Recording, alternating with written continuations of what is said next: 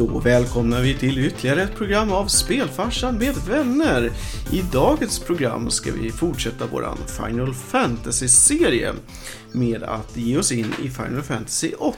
Vi ska nörda ner oss i alla sköna detaljer, vi ska prata om allt från storyn till de magiska GFen.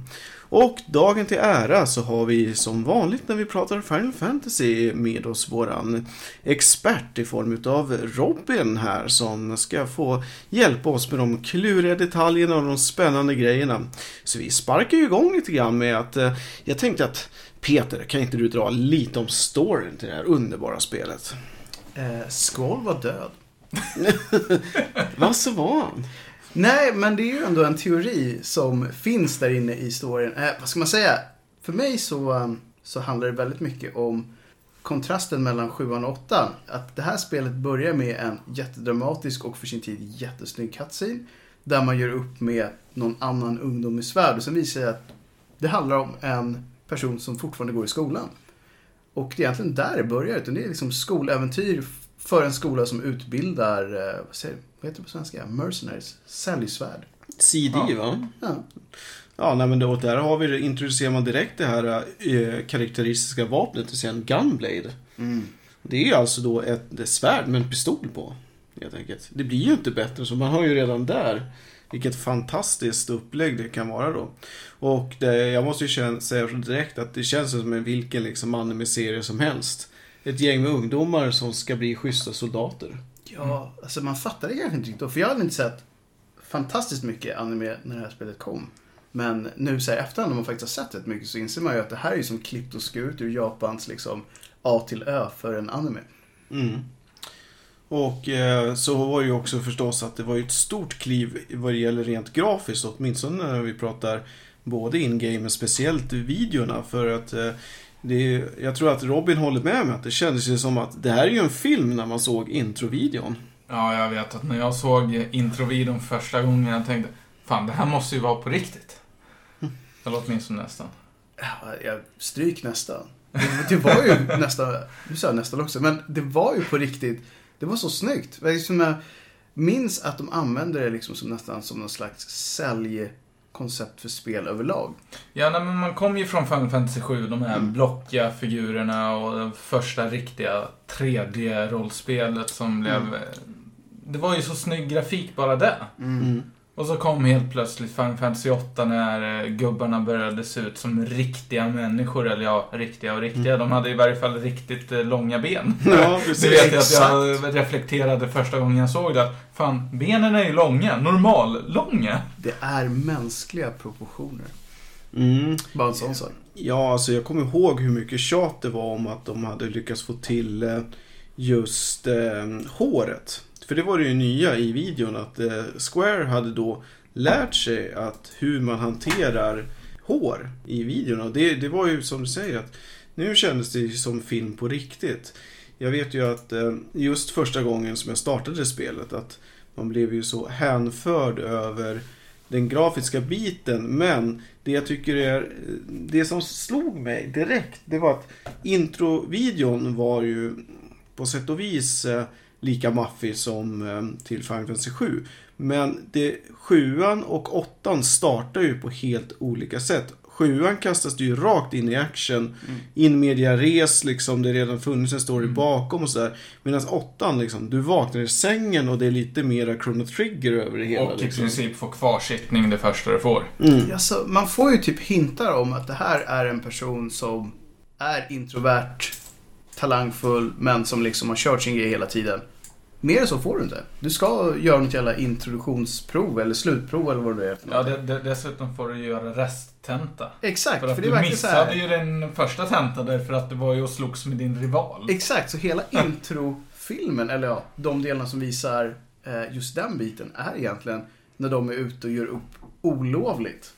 Mm. Liksom utanför lektionstid eller någonting. Ja. För att de är ovänner.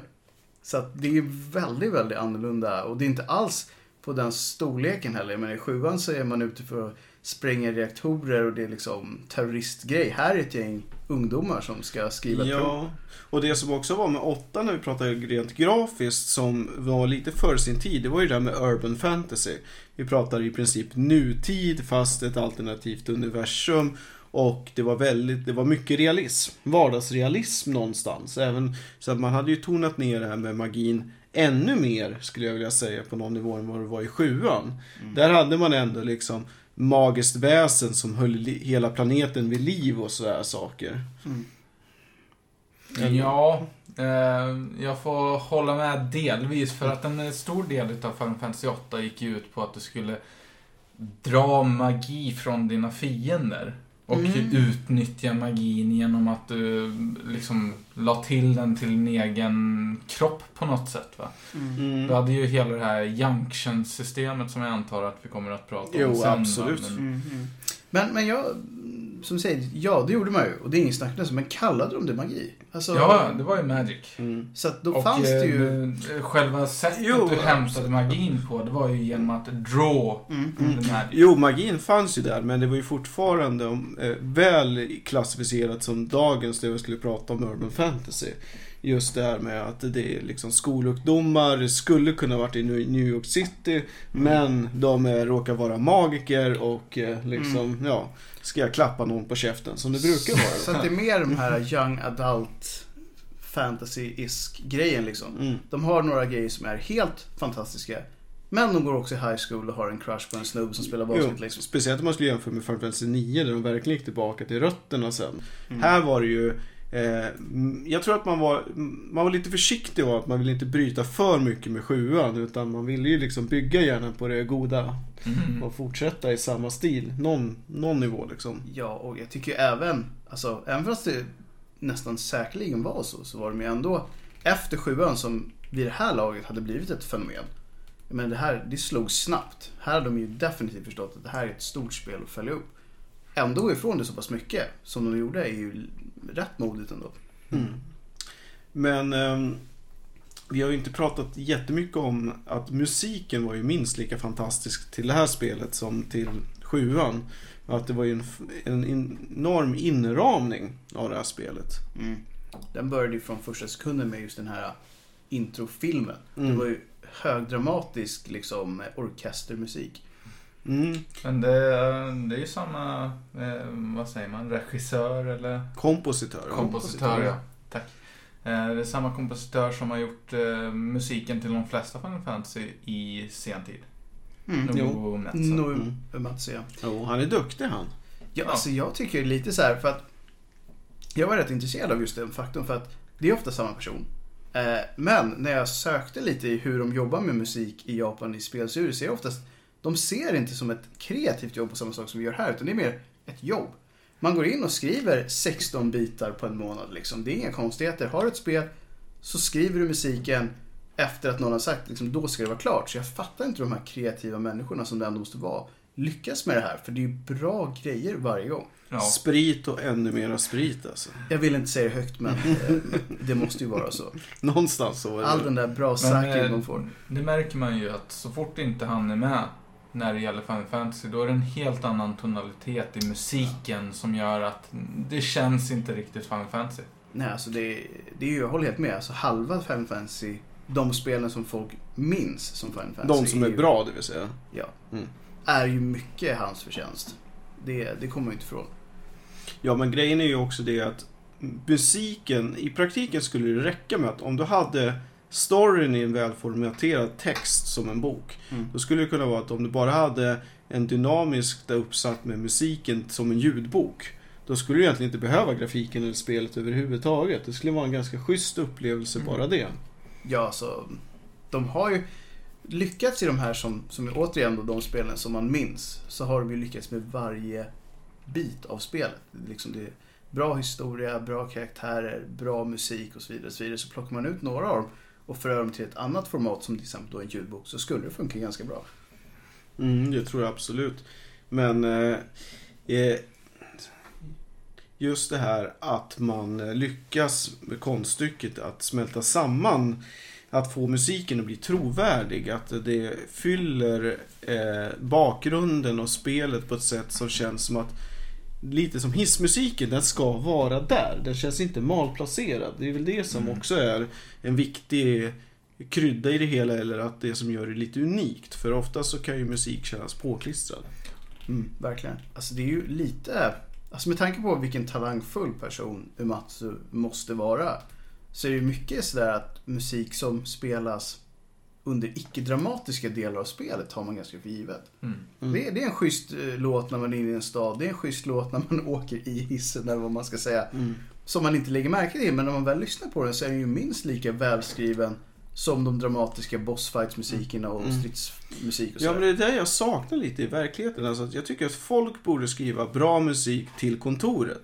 Så när man väl glider in på morgonen, då drar den igång någon skön bakgrundsmusik. Oskar kommer till kontoret. Kontoret, Det, ja. där, det där var den som de spelar när du går hem. Mm. Ja, just det. Precis. Och vad glad man skulle bli.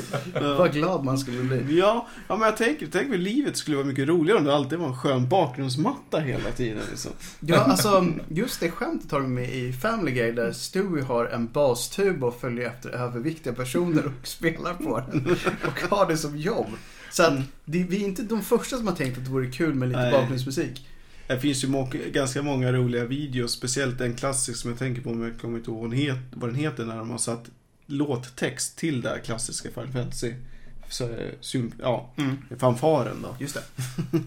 Hur lyckas man med det? egentligen? Ja, alltså jag vet inte, men det är en rolig text i alla fall. Ja, lite sidospår, men ni vet hur de eh, fick med den här Final Fantasy-fanfaren efter att ha klarat en fight i Final Fantasy 15 va? Nej. Nej. Jo, han sjunger den. Ja! Det är så sjukt bra. Första gången jag hörde så bara, "Vä- vänta nu. Vad jo, det är den. Ja! Och han sjunger liksom en längre del av den också. Ja. Så det, det går inte att ta miste. Mm.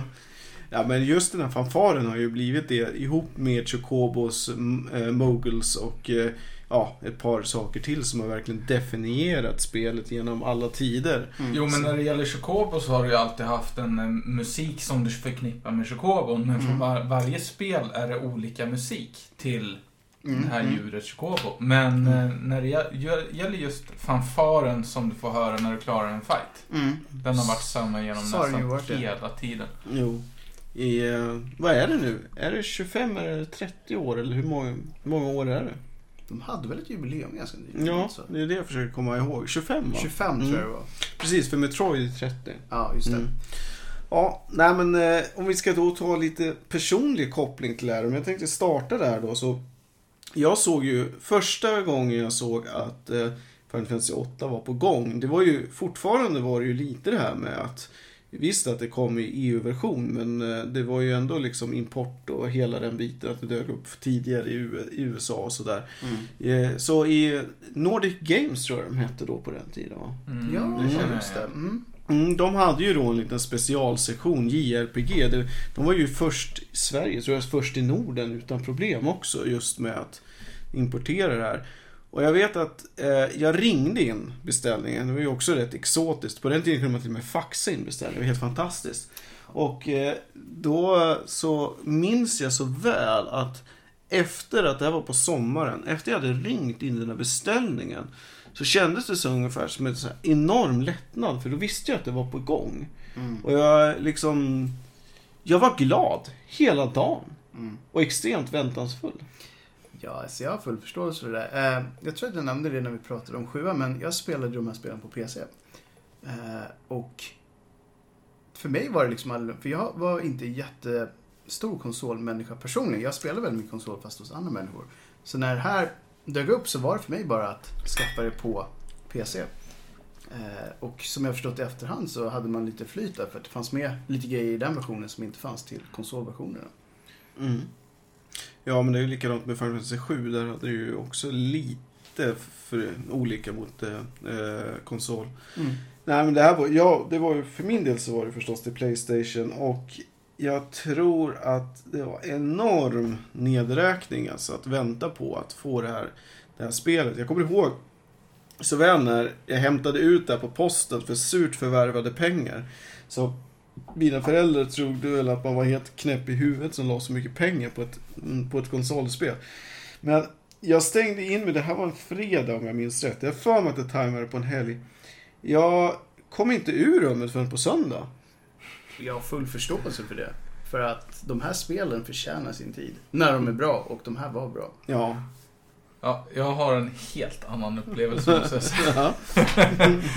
Jag hade turen att jag hade en vän vars farsa åkte runt mycket i Asien. Mm. Så eh, jag hade bara spelat Final Fantasy 7 och jag var jättenöjd med att spela Final Fantasy 7. Ända tills min eh, polares farsa kom hem med en eh, väska med nya Playstation-spel. Som tomten alltså. Ja, Ja. och i Och de var denna- strikt legala allihopa. Oh ja. Oh ja. Mm. Ehm, I denna väska så låg ett spel som hette Final Fantasy 8. Det fanns i två exemplar, så både jag och min vän fick varsitt exemplar. Och jag tänkte, ja, Final Fantasy 7 var ju bra så jag kan ju ta hem och spela det här också. Det Jag hade så, ingen aning om vad det var. det låter så oskyldigt liksom. Ja, men det här ska vi prova lite grann. Ja, nej, men det var så. Jag s- satte på och tänkte, vad fan är det här? Människan har ju alldeles för långa ben jämfört med gubben som jag kör med i Final Fantasy 7. Här ut som en människa helt Ja, plötsligt. Jag ljus. förstår inte. Ja, det här funkar inte. Ja, och, och sen så, ja, det hände väl samma sak som för Oskar, att jag satt väl inne alldeles för länge innan jag kom ut ur rummet. Mm. Eller alldeles lagom. Alldeles lagom. Ja, vi har ju en, Definitionsfråga. vi har ju en skön anekdot senare när vi pratar Final Fantasy 10. Jag och Robin körde ett litet maraton där också. Det är någonting i det hållet. Ja, det tar vi för den sessionen. Precis, det är en Ja, liten precis. hint om saker i kommande program. Mm. Men det låter ju genomgående som att eh, vi stötte på det här spelet på lite olika sätt. Men när man väl började spela det så var man ganska fast. Mm. Ja, alltså jag minns fortfarande att jag tyckte att, eh, det, att det var lite ovant att man hade det ganska långsamma tempot innan. Speciellt därför att de hade ju hypat spelet ordentligt. Jag kommer ju ihåg att de släppte ju ett demo på något Mhm. sätt. Jag minns inte exakt vilket spel det var, om det var Parasite Eve eller någonting liknande som det kom ett demo i alla fall. Och då började de ju med det första uppdraget när man ska, jag kommer inte ihåg vad heter stan. Eh, I alla fall, man ska ju åka med var, båt. var, var, var det, ja, okej, Mm. du ska till um, Timbertown. Exakt, ja, ja, inte Mm. Timber hette den Exakt. Timber heter och från början så trodde jag ju att det var starten på spelet. Mm. Alltså, det introt påminner ju, musiken är ju rippad rakt upp från The Rock. Ja, och framförallt så eh, själ- själva inlevelsen där Mm. påminner ju lite om Final Fantasy 7. Att du, Exakt. du åker med ett fordon Exakt. på Mm. väg mot, Ja. rakt in i action. Och då blev det lite antiklimax för att jag var ju så inställd på att så här ska spelet starta. Mm. Och så när, visst, jag köpte att okej, en ny intro-video och sådär och sen Mm. Men vad fan? Han ligger ju och sover. Vad fan gör människan? Jag ska ju slåss nu. Jag, jag, jag ska gå i skolan, Ja. sätta mig i en eh, Mm. lektionssal, få kvarsittning. att jag, jag förstår ju så här i efterhand att det var ett sätt att bygga upp eh, egentligen en tutorial. För att det är det som är intressant. Tutorials fanns ju inte på den här tiden. Utan det var ju förtäckta för tutorials på sätt och vis då. Mm. För att få in den i spelet. Att lära sig hur, okej, hur funkar GF, hur funkar draw, hur funkar junction, etc. etc, etc. Så att det var ju nödvändigt ont. Men jag är fortfarande lite så här. Men vad fan grabbar, kunde ni inte liksom bara ha kört det action-introt? Mm.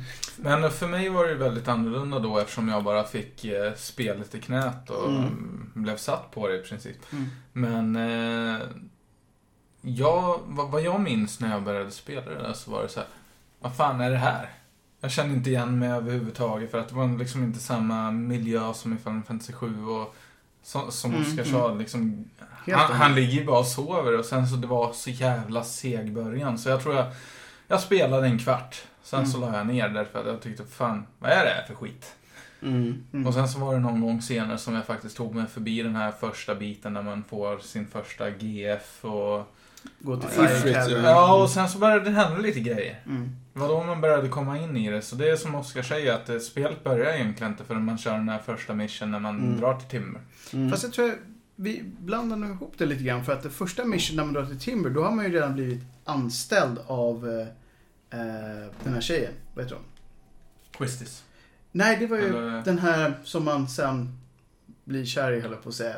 Hon som har den här under The Owls och hela den här grejen. Ah. Ehm, det första uppdraget man gör är ju när man ska till den här stan som har radiomasten. Som inte har sänt någon eh, marksändning på typ 40 år. Och den den- Dollet. det- Ja, Dollet hette den. Sorry. Ja. Det, Ja. det var jag som sa Timber, men den hette Dollet. Ja. Men, eh, vi pratar fortfarande om samma, Samma. mission. Ja, exakt. Jag tänkte bara så vi inte förvirrar folk som Ja. eventuellt vet vad vi pratar om. För, för det intressanta med det, hela det första riktiga questet, det var ju att både det actionfyllda introt och uppbyggnaden av questet, Mm. men samtidigt är en av, jag skulle vilja påstå att det är fortfarande ett av de bästa quest som, någon, som fort upp till, till idag är skrivet just det här att den, eh, både dit men också det här att själva jakten av den här mekaniska spindeln på vägen tillbaka. Alltså, det är ju som ett avsnitt av MacGyver. Liksom. Ja. Det är bra pacing, bra story, mycket action och man lär sig saker. Ja, till exempel man kan göra landminer och kottar och bensin. Och ett flygplan av klister och en gummisnodd. Precis, hur naturligt som helst. Varför tänkte vi inte på den? För att vi var inte MacGyver. Nej, exakt. Det är som Chuck Norris, man dropkickar den i facet och sen går man därifrån. Och på samma, sak, på samma sätt var det i Final Fantasy 8. Jaha. Om, om du är tillräckligt nördig så Mm. sitter du och bara slår ihjäl den där spinnen om och om igen. Även om du vet att du kan komma ifrån den och du kan döda den. Så slår du bara ihjäl den om och om igen. för bara för att. AP-poängen. Men nu när du är inne på, och det här är för alla de som kanske inte spelat då det här lika mycket som vissa som pratar just nu. Eh, när man avslutar det första uppdraget så blir man jagad av en stor mekanisk spindel som efter varje fight med den återupplivar sig själv och fortsätter att jaga en. Men man kan då, som nämnt var, eh, utnyttja det här genom att få massa poäng. Men man kan faktiskt också ha ihjäl den och då får man en extra liten eh, rad med så här bonus objective achieved i sitt eh, avgångsbetyg. Mm. Så att det fanns ett djup i det här spelet. Fast samtidigt är det ju så att om man, man kan ju samla ihop, grinda ihop en massa AP som gör att man egentligen, man förstör ju spelet redan där om man verkligen Oh ja. utnyttjar den.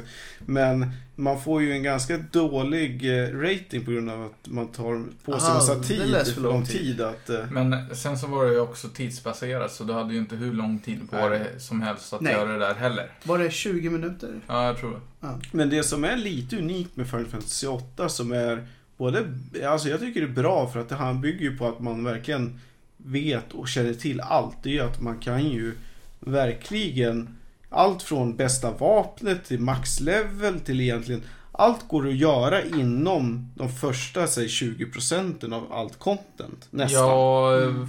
bästa vapnet kan du i varje fall få inom första CD-skivan. Mm, med tanke absolut. på att det var på den tiden som vi hade CD-skivor. Ja. Ja, tre stycken va? Mm. jag tror Eller var det inte fyra? Fyra, Fyra just det. Tre sjuan. ja.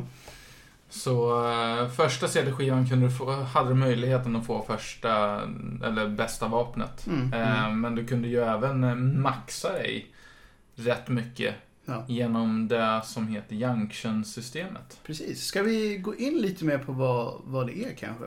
Mm. Eh, Junctions, det var väl så att man... Eh, Man equippade magi till Mm. sina... GF, ja. ja. Ja, man, det började med att man var tvungen att ge en GF till en speciell... Vi har inte ens pratat om GF. Nej, vi kan måste, säga- vi, vi kanske måste prata om GF Vi innan måste- vi börjar komma in på Jag håller helt med. Vi, vi ber om ursäkt att vi hoppar lite här, men till skillnad från tidigare spel så det som kallades Espers i sexan och Summon i sjuan. Summons i sjuan kallades i åttan för GFs, eller Guardian, Guardian Forces. Forces. Mm. Och de hade i mångt och mycket samma namn som alla de här har haft tidigare. För att de var ju Ja. Samma egentligen. Samma gäng, va? de är tillbaks. Ja, Mm. fast en, det fanns lite nykomlingar. Det fanns några nya, Det fanns som det lite gamla ansikten och så. Mm. Och vad var då det här? Magiska det- bestar som ja. man kunde helt enkelt bli kompis med. På Mm. riktigt, på, i och med att man hade en relation i det här spelet så var man ju hur pass eh, väl funktionibel man var med sin GF. Desto bättre liksom skada och så vidare och så vidare. Så man kunde helt enkelt bli vänner. Det var dessutom så att du kunde förlora en GF genom att du inte använde den eller att du... Ja, jag kommer inte ihåg vilka parametrar det var som gällde, men om du aldrig använde en GF Mm. och det var vissa saker du gjorde i spelet. Jag tror det var vissa typer utav, om, du aldrig använde vissa typer av magier och så vidare. Mm. Så kunde en GF bara dra Så Ja. att du inte kunde få tillbaka Det är lite Mm. som att man fick data Barrett i sjuan. Lite grann ja. Mhm. Kanske inte riktigt lika upprörande. Men... Så när, när, jag vet att man, när man kom ner till 20%-gränsen då var det dags att börja använda den GFen även om du inte ville därför att eh, annars var risken att den drog. Och det är lite det som är jobbigt när man är både en completionist och har sina standarder. För vissa games var ju inte lika bra. Nej. Mm. Men ändå var man tvungen att hänga lite med dem. Mm. Ja. Men som sagt, dessa eh, Guardian Forces kunde ju då få abilities som HP, Strength och så vidare. Plus. Ja, eh, en GF som eh, precis när du fick den så hade den kanske att eh, på tre stycken, eh, vad kallar man det? Stats? Ja, Mm. precis. Vad, vad kallar man stats på svenska? Ehm, färdigheter. Mm. Ja, på tre färdigheter säger vi då. Mm, mm. Eh, Så kunde man eh, lägga till magi för att öka det ytterligare helt enkelt. Och eh, ju, då kunde man levla upp GFen så att man fick eh, mer sådana här färdigheter Mm. som man kunde equippa magi till. Och eh, till slut så om man kombinerade alla GFsen rätt så kunde man junctiona magi till alla. Ja, alla Färdigheter. färdigheter. Det var rätt många. Så man hade en ja, jag tror det var åtminstone 8-10 stycken. Ja, man hade en rätt bra lista om man hade gjort det rätt. För här kanske vi säga att det här var en liten vetenskap i sig nästan. Oh ja, är definitivt. många, många timmar och eh, kanske någon liten trevlig guide där någonstans emellan. Men, Jag skäms inte för att säga att ja. mm. Jag har inte använt en guide, men jag lyckades med att få... Jag, jag kunde equippa grejer till alla karaktärer på alla färdigheter. Men du printade inte en enda sida ifrån eh, In, in, datorsalen? inte, inte denna gång. Mm. Däremot så läste jag väldigt mycket om det och memorerade det istället. Jag kan ju med, eh, ja, helt utan skam säga att jag printade en liten urskog. Fa- Fast jag tog faktiskt väldigt mycket testade mig fram själv. Mm, mm, mm. Och sen så var det väl vissa grejer jag läste mig till, men då, det handlade snarare om vilka items jag skulle Mm. få för att kunna göra vissa saker, snarare om hur jag skulle göra. Mm. Och en av de här grejerna då för att få dessa eh, både eh, vet, GFs och även ja, item och så vidare och så där, det var ju detta kortspel. Kortspelet. Mm. Alltså, så bra. Mm. Och då var det ju det att man eh, samlar Fast, kort. Får, jag bara avbryta er ett tag? Ja, absolut. Vi skulle egentligen prata om Junction-systemet och komma in på GF. Ja. Mm. Så nu måste vi komma tillbaka och prata om hur Junction-systemet egentligen fungerar och hur... Fair enough. Vi, är Sen så kan vi ta... Det är så mycket bra grejer i det här spelet som man pratar om, men, men det, det är bra att du håller oss på, på spåret. Så, kör. För, för att när man väl hade fått alla de här Junctions, Mm. eh, eller GFsen, Mm. så eh, inte bara det att man, vi kunde junctiona en massa magi till våra färdigheter. Det var ju även att man fick en massa färdigheter som man kunde använda. Till exempel att man kunde göra om vissa items till magier. Ja, med card... ehm, Bland annat med card mod som Mm. det hette, som man kunde göra om kort från kortspelet som vi Mm. skulle prata om. Men eh, även att man kunde göra om andra typer Just items det, till det. Jag vet att du det. kunde göra om, om du köpte Remedies till Mm. exempel, så kunde du göra om det till Kuraga, vilket är tredje versionen utav Cure. just det. Som du sen kunde junctiona till HP till exempel. Just det. För att det ger dig en väldig boost. Mm. Men det fanns ju väldigt djup. Det var vi inne på lite tidigare, men just det här systemet har ju... Det både ger utrymme att experimentera sig fram, men det finns ju väldigt specifika bra kombinationer. Mm. Gör man på vissa sätt så får man en väldig boost av olika stats. Och eh, tack vare att vissa av de här GFsen tillhandahöll någonting som hette Encounter None, Mm. vilket gjorde att du inte var tvungen att fighta de här random encounters, Precis. så hade du ju all möjlighet i världen att välja hur mycket du ville levla. Mm. Så du kunde ju i princip säga att "Nej, men jag slåss inte några random fighter överhuvudtaget, utan jag kör bara min levling som jag väljer själv. Ja, Och där har vi också den andra grejen att eh, spelets fiender levlade med en själv. Mm. Så att egentligen skulle du kunna spela igenom hela spelet på level 10. Mm.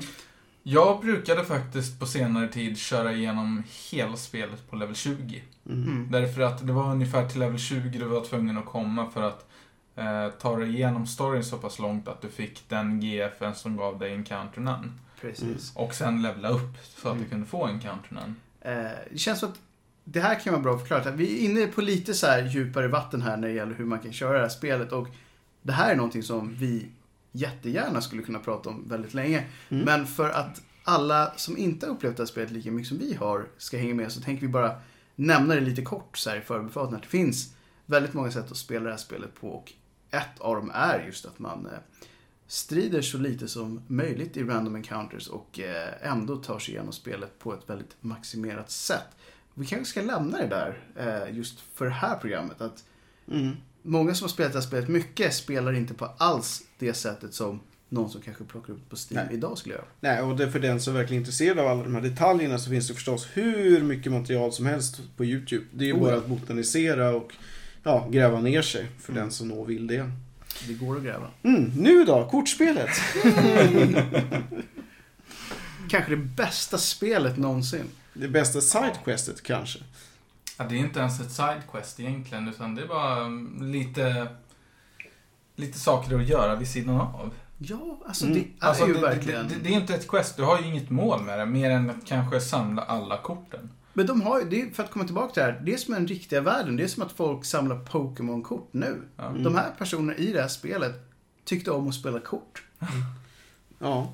Tänk om man kunde komma ihåg vad det hette också. Jag tror det bara hette Card Ja, det Game eller något hette... I alla fall i spelet så hette det Card, som i menyn har jag för mig. Ja, men Ja, ja. nej, nej, det hette någonting. Ja. Det, det, det, det hette...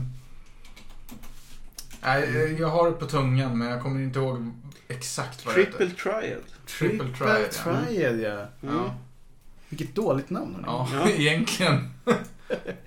Med tanke på hur roligt det var. Det står ju till och med Triple Triad på bakgrunden. Och, och det funkade ju lite grann som luffarschack helt enkelt. Nästan. Ja, Ja, okej. Man hade nio rutor och sen är det klassiska att du hade liksom i både attack och defensvärde. Ja, och så. va- va- varje, va, det var två spelare. Ja. Varje spelare får välja fem kort. Sen Yes. så lottades det vem det var som skulle eh, börja. Mm. Så att eh, en spelare fick ju fem kort medan en spelare fick fyra. Mm. Sen så kunde det finnas vissa regler som till exempel att man körde med elemental. Ja. Så att eh, vissa rutor hade plus eller minus beroende på vad det var för element och man hade någon reverse-regel och det fanns lite konstiga regler. Mm.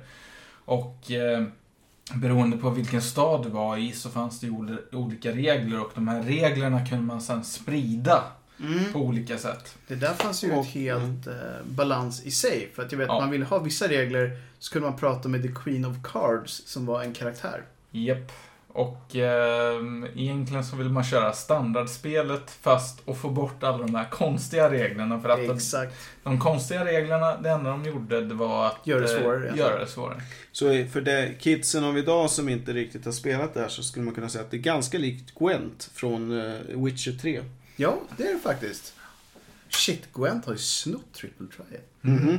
Och ska dessutom lanseras som s- eget spel nu. Ja, Men vi ska- precis. Mm. Sidospår. Men eh, det kunde ju vara att man hade en random hand.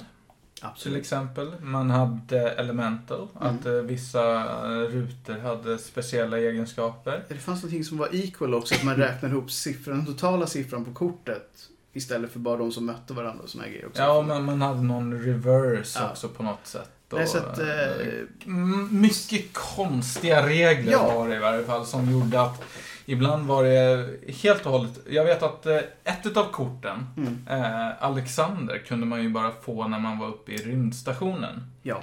Och eh, uppe i rymdstationen så hade man inte möjlighet att sprida regler och ta bort regler. Så där var man tvungen att spela med vad man fick. Ja, Och då var, en utav reglerna var random hand. precis. Plus en massa andra konstigheter. Så där, eh, jag vet att ibland kunde man ha tur. Man Ja. fick eh, Alexander på första försöket. Ibland så kunde man sitta i två timmar och det lyckades absolut inte. Det, det var just det att man blev straffad för vissa grejer här. Hade du väldigt många kort, som man ju såklart hade om man hade spelat det här spelet rätt mycket, så kunde man få en riktig skräphand. Ja, Eh, och då var det ju i stort sett kört. Eh, jag minns att det jag gjorde i början av spelet var att så fort som möjligt försöka hitta Queen of Cards som fanns i den närmsta staden och sen få att Inga konstiga regler fanns med, men att när man vann så fick man alla fem korten. För då kunde man bygga en schysst kortlek så snabbt som möjligt. Mm. Och hela poängen med att få alla korten var ju förstås att göra om korten till items. Ja. Mm. Men Ja, det eh, var ett av det, det, det hjälpte ju faktiskt inte här uppe i rymdstationen Nej. för att det var fortfarande Deras- random cards. Så du, du var helt beroende på att rätt kort fick Ja. motståndaren. Och sen så att du fick kort så att du kunde slå dem. Det var just kombinationen som du säger av att även om du fick en killer hand så kunde det vara så att den här gången så hade han inte ens med det kortet i Nej. sin eh, kortlek och då var det bara att köra om igen. Mm. Och så kanske du inte fick ett lika bra. Nej! Men det jag kom på att jag, man kunde göra, det var att eh, det fanns en eh, funktion då som eh, hette Card Mod. Mm. Vilket gjorde att om du kom upp till den här Space Station så kunde du cardmodda alla dina kort som du kunde återfå genom att spela spelet. Och Mm. bara ha kvar de korten som var, bara fanns i en upplaga. Därför att de korten Mm. var oftast relativt bra. Ja, det var ju de här karaktärskorten och specialkorten oftast. Japp. Så cardmoddade du allting annat Så, och bara hade kvar de som var Smart. relativt bra. Så kunde du få en rätt bra hand. Så kunde du alltid få en relativt bra hand. Det är lite grann som i Final Fantasy 7 när man slåss mot Ruby Weapon. Att man går in med två döda karaktärer så att de inte kan sugas ner i sanden och sen stressar man dem så att man faktiskt har tre karaktärer med sig. Exakt. Ja.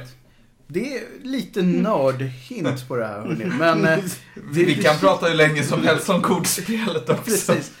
Men rent summering så vill jag säga att det var ett fantastiskt spel i spelet. Man kunde lägga väldigt lite tid på det om man inte tyckte om det. Eller väldigt mycket tid på det om man tyckte om det. Och det bästa var att det var inte ett måste. Nej, det var bara en extra grej man kunde hålla på med om man kände för. Och för den som är sugen på att verkligen leva ut det här så kan man faktiskt köpa de här korten på Amazon och spela det på riktigt. Oh. Mm. Dyrt så in i, ja förstås va. Särskilt numera. Men det går. Mm. Eh, man kanske ska säga att det fanns även en del, eh, har jag för mig, story-element kopplat till det här. Man kunde ju utmana någon klubb Mm. med kortspelare i eh, skolan. Japp. Till exempel. Och eh, det var också helt frivilligt. Det gav ingen till huvudstoryn men det fanns ett eget litet spår. Ja, nej, det, det gav inget huvud, huvudstoryn, men eh, du kunde ju få specifika kort som du inte kunde få på annat sätt. Mm. Men det var det en... Ja, en bonus helt enkelt. Mm. Så att det är ett, ett fantastiskt tillägg till redan ett fantastiskt spel helt enkelt.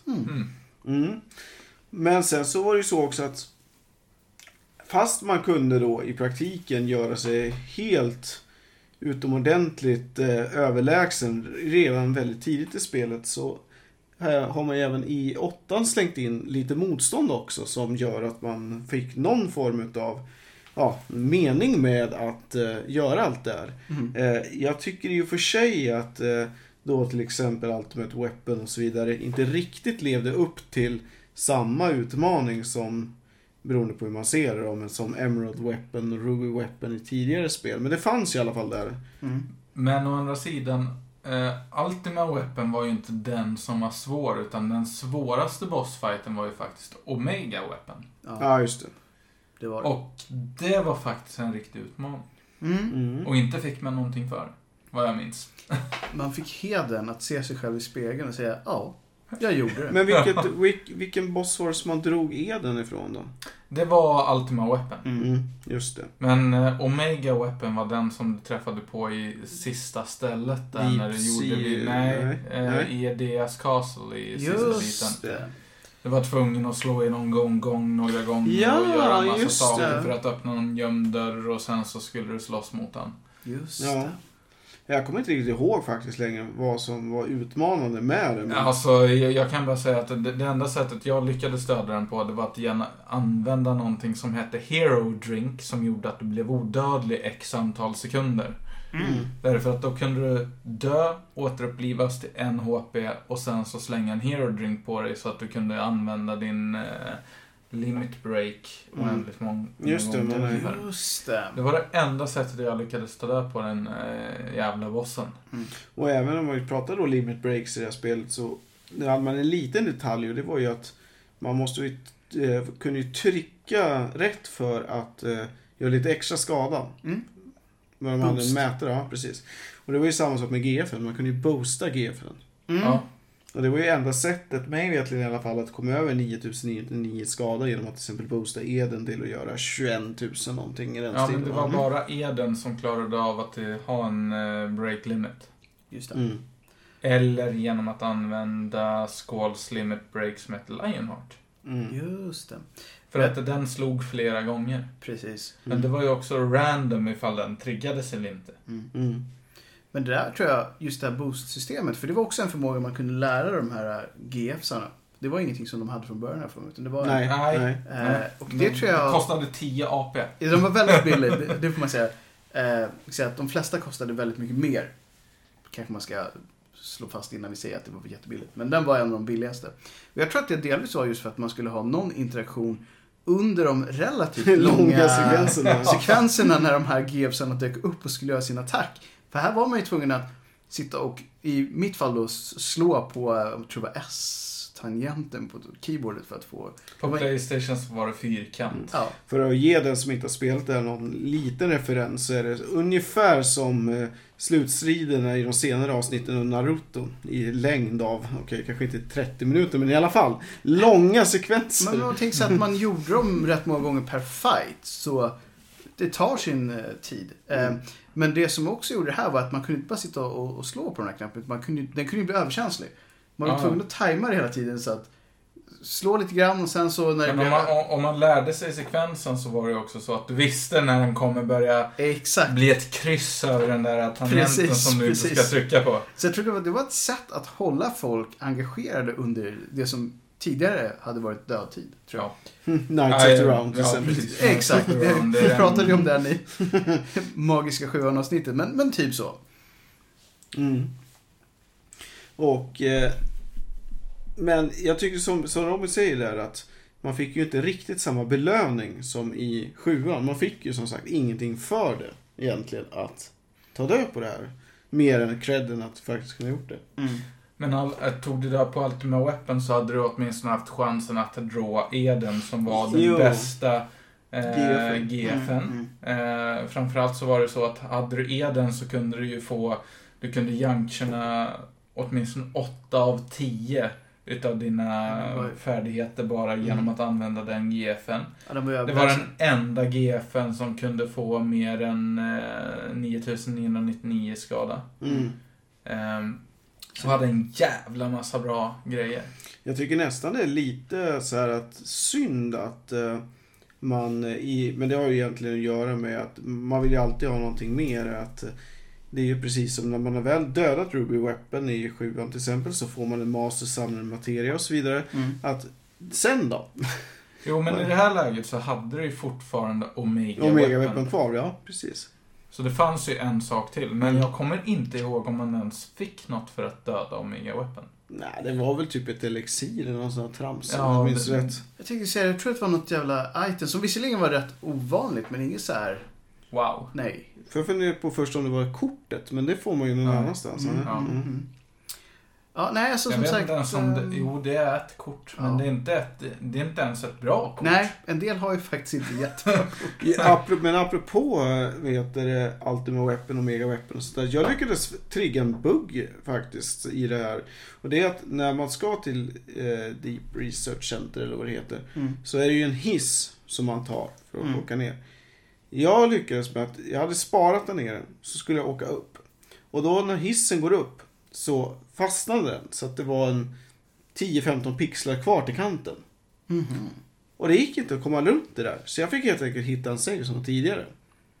Aldrig hört att någon har haft just det problemet tidigare. Nej. Men däremot så vet jag ju att Deep Sea Research Center var ju lite buggigt därför att det fanns ju sätt du kunde göra så att du kunde stänga dig inne och inte kunde komma ut överhuvudtaget. Mm, det är ju en sån här känd... Därför att eh, det var ju så att man fick eh, Ja, man fick pressure på något sätt. Mm, Som man skulle använda för att öppna dörrar och liknande. mm, Och man kunde använda det där på ett sånt sätt så att det gjorde att du stängde in dig själv. just det. Mm. Just det.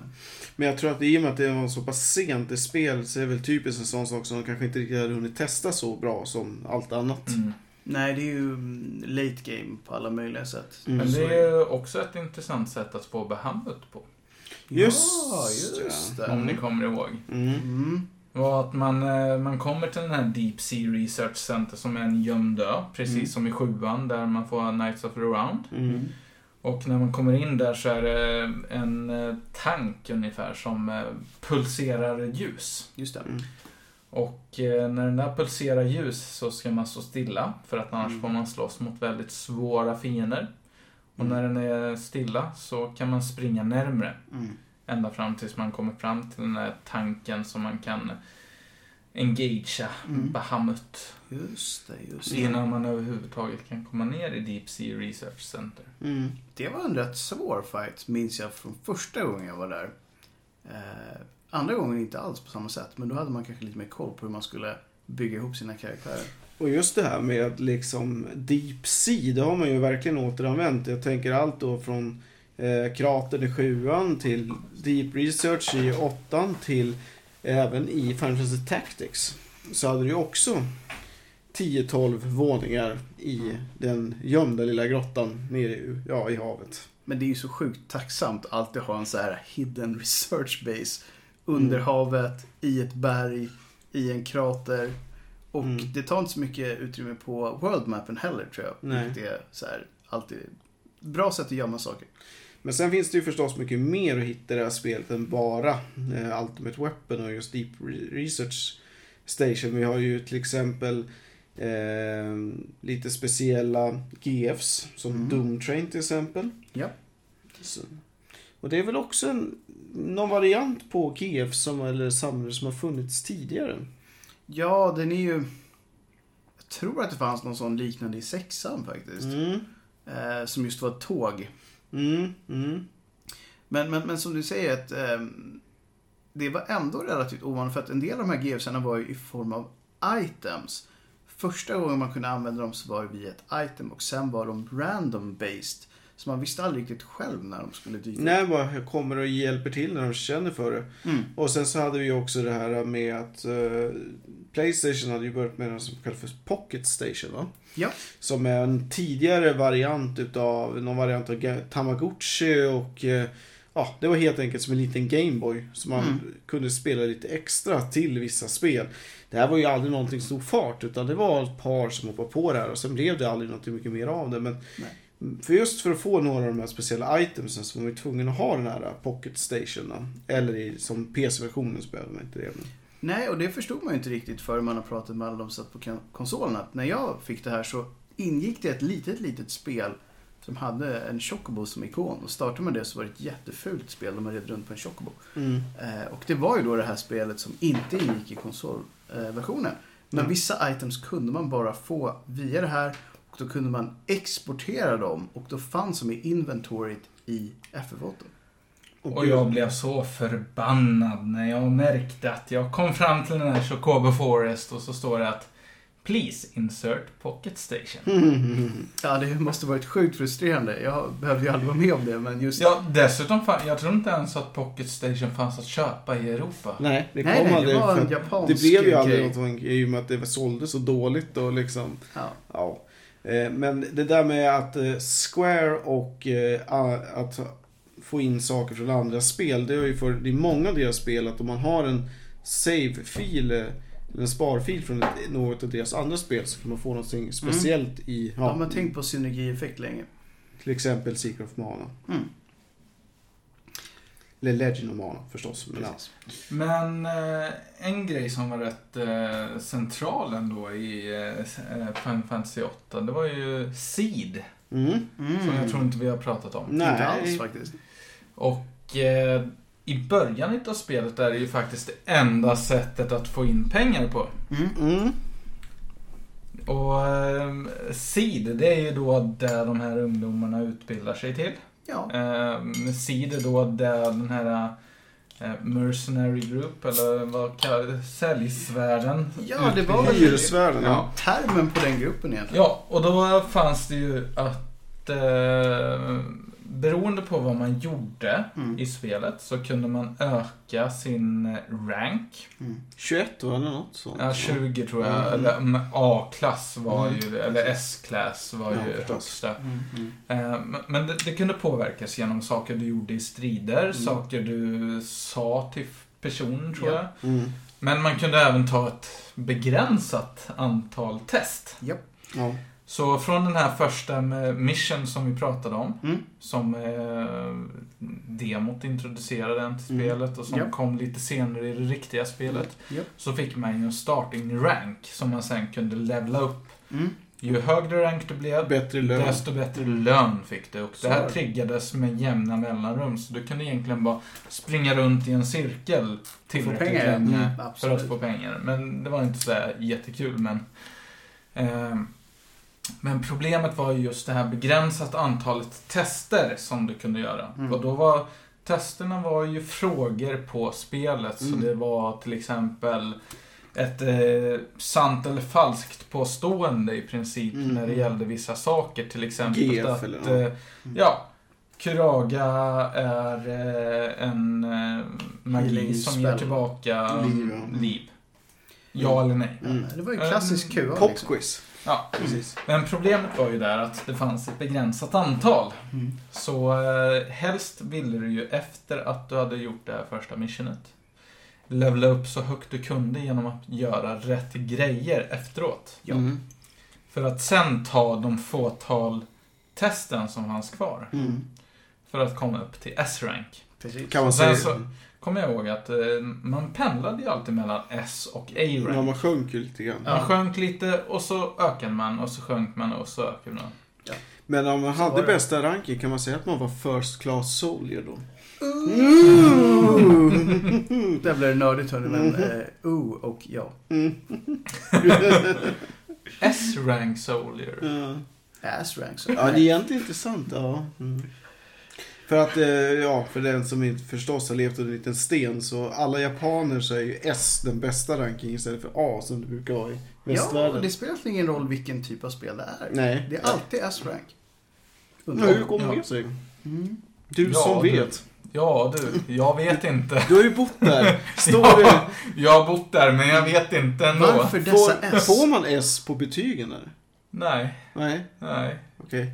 Vi säger så här. Jag, jag- fick betyg i procent. Ja, men Oh. okej, så du, du fick inget Q då? Nej, jag, jag fick 84 procent rätt på mina prov. Jag tycker vi gör oss själva i hemläxa att under den här Final Fantasy-serien så kommer vi tillbaka Mm. till S och försöka ge ett svar. Ja, Ja. det måste ju finnas en anledning till det. Det kan inte bara vara att det är coolt med ett S. Men å andra sidan, vi har ju Seed. Mm. Det är ju ett S. Det är det. Och sen så har vi rivalen till Cloud som är huvudkaraktären som heter Cypher. Mm. Det är också ett S. Mhm. Så det måste ju finnas någonting med S där. Mm. Men vi kanske ska prata lite om rivalen. Ja, På samma sätt som Cloud hade sin Sephiroth, som Mhm. också är ett S. Eller Zack beror det lite på. Man. Ja, Ja. men det är ett Z. ja, men det är nästan där. men ljudet i sig Mm. är farligt nära. S. Ja. Oavsett vad. Ja. Rivalen i denna story heter Cypher. Yes. Så eh, Peter, du kanske vill berätta lite om Cypher? Ja, vad ska man säga? Det är egentligen, vi kommer tillbaka till början, det är en skolmiljö. Och det här är väl egentligen de två som har bråkat med varandra sedan de träffade på varandra i skolan. Det är de två mest talangfulla killarna i den här klassen, eller den här årgången kanske man ska säga. Och de kommer inte överens. Mycket på grund av att eh, de har helt olika personligheter. En är tillbakadragen och tyst och den andra är väldigt dominant och har sin lilla fanclub och så vidare. Och så vidare. Så att de stöter alltid på varandra, eh, varken de vill eller inte. Och det börjar då med att de har haft en olaglig duell med sina gunblades. För båda de här, precis, och båda de här två har då det vapnet. Jag förstår inte hur de gjorde för att inte skjuta varandra i foten. Ja, men det- som ändå är kul med Cypher och Squall, det är Mm. att i den här första duellen så får de ju ett eh, R. Mm. Därför att de Mm. slår varandra över ansiktet med den här gunbladen. Mm. Den ena får sitt R snett vänster över Mm. ansiktet där mellan ögonen och näsan. Ja, Medan det. den andra får den till höger. Just det. Så sk- skulle man eh, lägga ansiktena på varandra Så blir det ett kryss. så blir det ett kryss. Precis. Och inget Och på S. men på samma sätt så Squall, han håller sitt vapen mer uppåt. Mm. Medan Cypher slår mer nerifrån. Precis. Och det, är- det är ändå eh, lite intressant anekdot där som man kan eh, Mm. Mm. se i spelet. Att de, de, är verkligen motsatser i allt. Sen så är det en annan grej som jag Jag kommer inte ihåg, men eh, också som är lite spännande. Det är det här att man hoppar ju lite i tiden någonstans i spelet. va? Mm. Eller, så att det finns ju en annan uppsättning utav huvudkaraktärerna. Ja, det är Som inte bara lite. Nej. Utan det är ett genomgående inslag. Man får... Man vet ju egentligen inte riktigt när det händer till en början med. Utan det... Jag för mig att första gången är att de faller i koma på tåget till Timber. Och får tillbaka blickar. Eh, och att de då är... Vad heter han? Laguna. Ja, exakt. Och sen är det två av hans buddies? Och eh, två av hans kompisar. Och då är Biggs och Wedge. de... Just Som alltid är med i Final Fantasy-spelen. Ja. exakt. Åtminstone från sexan och uppåt. eller Fyran också. tidigare. Ja, fyran i alla fall. Fast jag tror inte att det var Biggs och Wedge. Utan Biggs och Wedge är med i Nej, huvudspelet. Nej, men nej. Biggs och Wedge är med. Det är Lagunas polare. Det är de du spelar tillsammans med Laguna. Okej. Jag hade för mig att man mötte dem i Dollet till The exempel. man with the machine gun. Precis. Ja, Jag det- tror att du möter dem även som Squall. Men Mm. då är de fängelsevärdar. Mm. Så här var det, nu när jag kommer den, Det var ju två stycken som du säger. Ja. En av dem hade något så här typ knivvapen i det här spelet. En hade ett ankare. Och en hade ett ankare. Och killen med ankare blev längre in i spelet av med sin röst efter någonting som hade hänt. Och Ja, var stum, eh, typ Japp. vaktmästare i ett fängelse som Japp. liksom nuvarande Och det är. Biggs. Ja, eller så står det som sagt. In the army Laguna was best friends with Kairos and, and Ward Sabek. Det var så jag minns det att det var. Eh, Ja, vem fan var Biggs men och Biggs och? Wedge var två vanliga soldater man stötte på. Ja, det kan... Ja! Jo, det var ju vanliga soldater som återkom i, I olika bossfighter. Ja, de ja, det var med- olika bossfighter även i eh, Precis. eh, Final Fantasy 8. Ja, eh, de var med Mm. lite då och då. Första gången man stöter på dem är uppe i tornet i Dollet. När de ska försvara det. Just det. Men vad bra. vi får helt enkelt göra som så att nästa gång, Mm. Med tanke på att det är Final Fantasy 9, Ja. så ska vi spela igenom spelet innan vi pratar om det. Ja, ja, ja.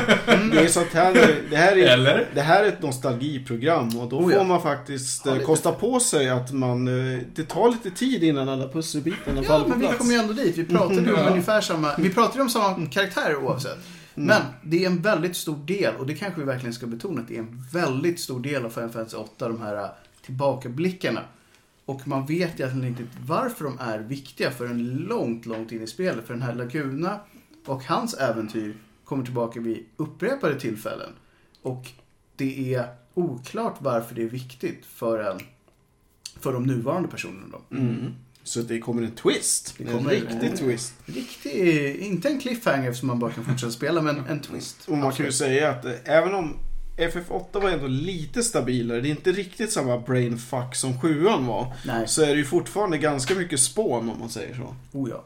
Oh ja. Men du har fortfarande samma typ av, eh, du vet den här irriterande delen där Cloud sitter i en rullstol. Ja, Mm. Det Ja, finns shoot samma me, jävla liksom. skit i Final Fantasy 8. mm. Mm. Och i tian, tycker jag, på vissa nivåer. Mm. Vilken del tyckte ni inte om i åttan? Först, starten är ju en sak. Men det är ju... Ja. Men den är inte så lång. Nej. Jag, jag tyckte inte om den här biten i, när man är i rymden. Mm. Nej, den var rätt. Och alla de här egentligen Laguna-avsnitten tycker jag bara är transportsträckor. Ja, vad bra det, att du säger det. det. Det ger inte så mycket Ja. egentligen. Även om det är en stor del utav spelet. Stor del av storyn. Men- ju. När man spelar igenom det första gången, då är det så här. Det stoppar ju What the tempot. fuck is this? Jag, Ja. jag vill inte köra det här. Nej. Det, så som den första biten. Mm. Den första gången man överhuvudtaget stöter på det här, Mm. då tror jag att man får komma tillbaka och se Laguna som ser en snygg tjej som han blir jättekär i henne, gör bort sig totalt och... Han Det, det enda man eh, gör det är att springa fram och tillbaka mellan pianot och eh, sätet där han sitter och dricker. Och han bara tänker en massa grejer. Och i det läget så händer det så mycket i spelet utanför så man blir bara... Vad Ja. fan, låt mig bli klar med den här skiten snart. Jag håller helt med. Problemet var ju som sagt att man är på väg till antingen från eller till Timber med sitt gäng. Man har just börjat, det har börjat hända grejer i den riktiga storyn. Och sen är det plötsligt så är man med en loser, för det är ju egentligen det han är. Eh, en sån här riktig fail-snubbe som vill få en dejt med den här snygga pianobruden. För det är det det handlar om. Och hans två dude bros som sitter och skämtar bakom ryggen på honom för att han får alltid kramp i benet när han blir nervös och haltar omkring i pianobaren. Eh, och det var så här, men jag var ju på väg med mitt lilla mercenary-gäng till ett jättehäftigt äventyr. Varför sitter jag med ett gäng snubbar som jag inte ens vet vilka det är? Och ska göra, försöka få till en dejt med någon som spelar piano. De, det blir alltid sådär att det bröt upp liksom tempot i spelet. Ja. Men om vi vänder på det, vilka är de bästa bitarna ni tycker av det här spelet? Alltså, ja det är just själva grejen att eh, det här med GF. Mm. Att om du ville så kunde du förstöra hela spelet genom att bli totalt overpowered. Mm. Om du visste hur du gjorde. Precis. Det gav dig möjligheten att själv forma hur du ville spela. Mm.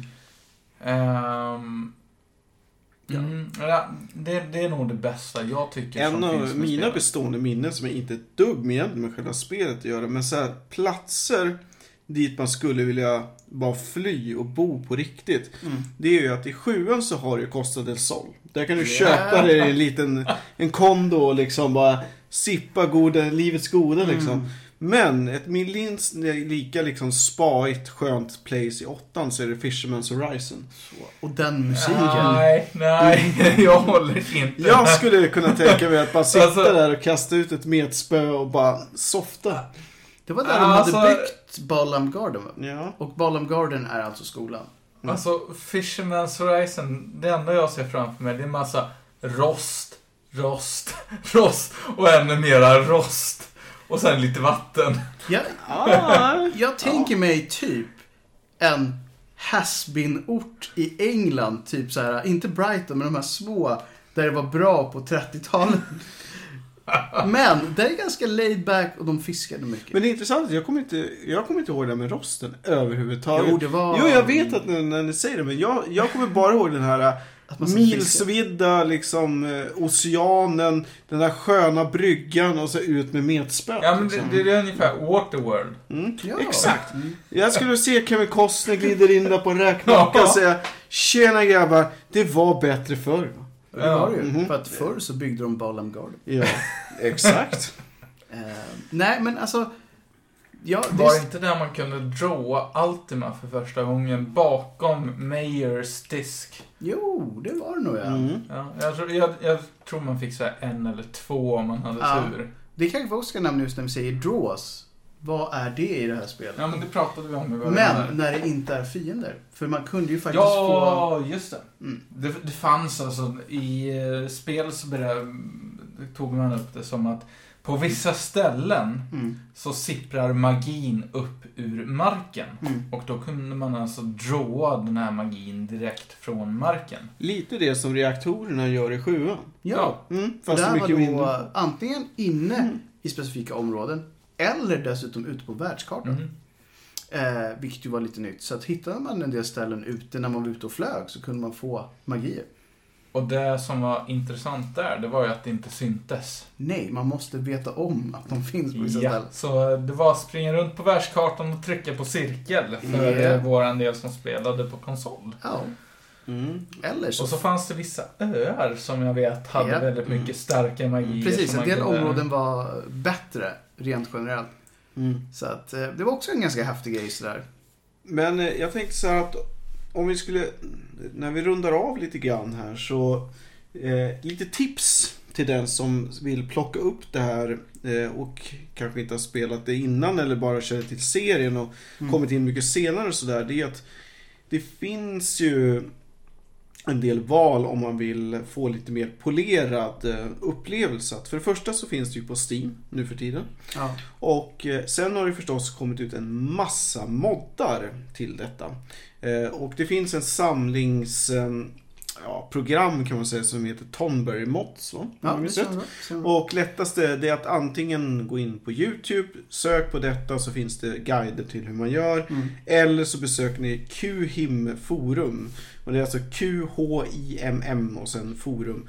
Mm. Så kommer ni hitta eh, alla möjliga typer av guider till det här. Och visst, det, det blir ju inte, inte HD-grafik men mycket smått och gott. Ja, vi ska väl kunna säga så här. Eh, vi kommer, som vi ofta gör, att ha en video kopplat till det här programmet. Och den videon är då lite gameplay och sådär. Men det är också en genomgång på hur man får ihop de här moddarna och vilka moddar som används bäst i kombination med andra för att få till en så bra spelupplevelse som möjligt. Så att har ni ett intresse av att inte bara spela det här spelet utan att spela det med eh, moddar som gör det så snyggt som möjligt så är det eh, antagligen värt att ge det ett litet kik eller två. Ja, precis. Ja, Robin, har du något tips till den som är helt ny och då, förutom det här och ska plocka upp det här och börja spela? Jag säger bara poo-poo. Poo-poo, ja. Ja, vi låter det vara en liten sån här uh, Cliffhanger. Easter egg. Ja. poo-poo. Mm, poo-poo. What is that?